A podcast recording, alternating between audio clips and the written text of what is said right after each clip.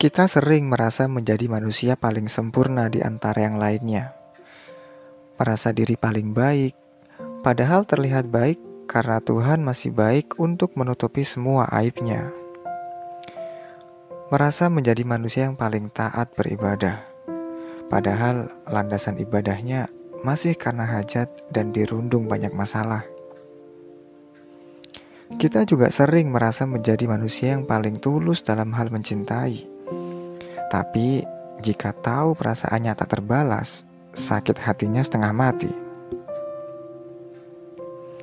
Kita sekarang hidup di tengah perlombaan ingin viral dan terkenal, dengan mengesampingkan resiko dan norma baik yang diterjal, membuat yang dulu dilarang kini dengan mudah diterabas, dengan alasan kemanusiaan. Kebebasan berpikir yang sudah kebablasan bebas membuat hal-hal yang dulu tak ingin diungkap karena menyimpang dan memalukan, kini terang-terangan banyak yang mengakui dan mendapat banyak dukungan. Jadi, untuk sekarang, open-minded saja tidak cukup.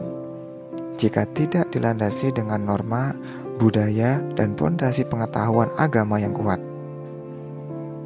Sebenarnya, mereka yang melakukan dan mendukung semua itu benar-benar karena kemanusiaan atau karena pikiran dan hati mereka yang sudah terkontaminasi limbah liberalnya peradaban.